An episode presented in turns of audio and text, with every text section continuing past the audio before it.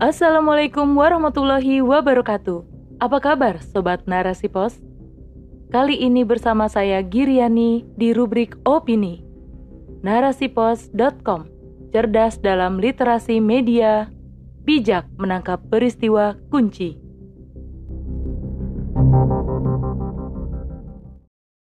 Waspada Blackout Challenge, tantangan berbahaya yang mematikan oleh Erlina Yede. Penggunaan media sosial sudah tidak dimungkiri telah menjadi gaya hidup dan bahkan orang tidak bisa lepas darinya. Informasi apa pun bisa dengan mudah dan cepat sampai kepada kita. Aplikasi media sosial yang sangat digandrungi saat ini di antaranya adalah TikTok. Apa pun yang sedang menjadi tren dan viral akan segera diikuti oleh penggunanya. Banyak tantangan atau challenge berseliweran di For Your Page atau halaman beranda yang menggoda untuk diikuti karena sedang tren. Salah satu tren tantangan di TikTok adalah Blackout Challenge. Tantangan ini cukup banyak yang mengikuti dan ternyata berakibat fatal hingga si pengikut tantangan tersebut meninggal dunia di akhir tahun lalu, Desember 2021, seorang ibu di Pennsylvania, Amerika Serikat, menemukan putrinya yang berusia 10 tahun tak sadarkan diri setelah mencoba blackout challenge. Hanya berselang lima hari dirawat setelah ditemukan pingsan. Nailah, sang putri, meninggal dunia. Kasus meninggalnya Nailah pun menjadi viral karena ibunya menggugat TikTok dan perusahaan induknya ByteDance karena diduga mempromosikan konten yang berbahaya dan mematikan. Kematian Nailah karena mencoba blackout challenge ternyata bukan satu-satunya kasus. Merangkum dari berbagai sumber, sebelumnya juga ada seorang anak laki-laki berusia 12 tahun ditemukan pingsan setelah mencoba challenge tersebut. Setelah satu bulan dirawat, akhirnya bocah laki-laki tersebut meninggal setidaknya ada empat kasus serupa terkait blackout challenge ini selain kasus di atas. Blackout challenge adalah sebuah challenge atau tantangan yang mendorong pengguna untuk merekam dirinya saat menahan nafas atau membuat dirinya sesak napas sampai pingsan. Upaya menahan napas bisa menggunakan alat semacam tali atau ikat pinggang dan mencekik lehernya langsung dengan tangan. Tindakan ini dapat membuat sirkulasi darah ke otak menjadi terhambat. Akibatnya, terjadi penurunan kesadaran dengan cepat yang berdampak pada hilangnya kesadaran. Jika terlambat ditangani, maka akan mengakibatkan kematian. Menurut beberapa psikolog, setelah melakukan tantangan ini, pengguna akan merasa puas lalu menjadi ketagihan. Jika dilakukan terus-menerus, akan berakibat buruk pada fisik dan mentalnya, Tantangan ini juga bisa dijadikan penyaluran emosi yang tidak stabil. Ketika anak marah atau tidak nyaman dengan kondisi yang ada, bisa menyalurkannya dengan melakukan tantangan ini. Ketika gagal, parahnya akan muncul kecemasan yang semakin meningkatkan pada terjadinya resiko kematian.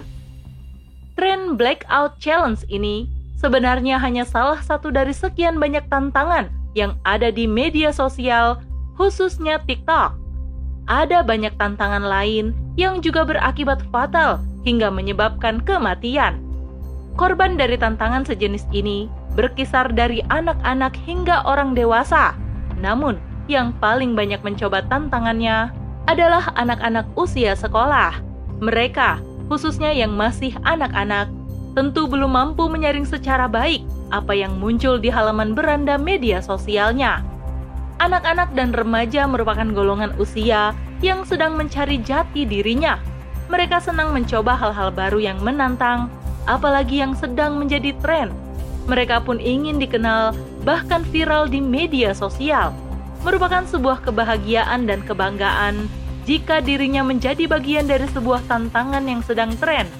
Jumlah penonton dan like yang banyak akan semakin memuaskan dirinya dan meningkatkan kebanggaannya tanpa paham apa resiko dan bahayanya yang tren dan viral akan selalu dikejar lalu dicoba.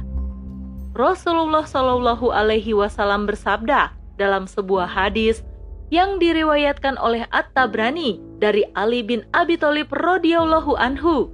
Didiklah anak-anakmu atas tiga hal, mencintai nabimu, mencintai ahlu baitnya, dan membaca Al-Quran. Sebab orang yang mengamalkan Al-Quran nanti akan mendapatkan naungan Allah pada hari ketika tiada naungan kecuali darinya bersama para nabi dan orang-orang yang suci. Hadis ini memberi panduan awal kepada orang tua dalam mendidik anak-anaknya. Di era digital saat ini, orang tua tentu harus terus memantau dan mengawasi aktivitas anak-anaknya ketika beraktivitas di media sosial untuk mencegah anak-anak kita agar tidak terjangkiti tren berbahaya. Maka, bekali anak-anak dengan akidah dan sakofah Islam.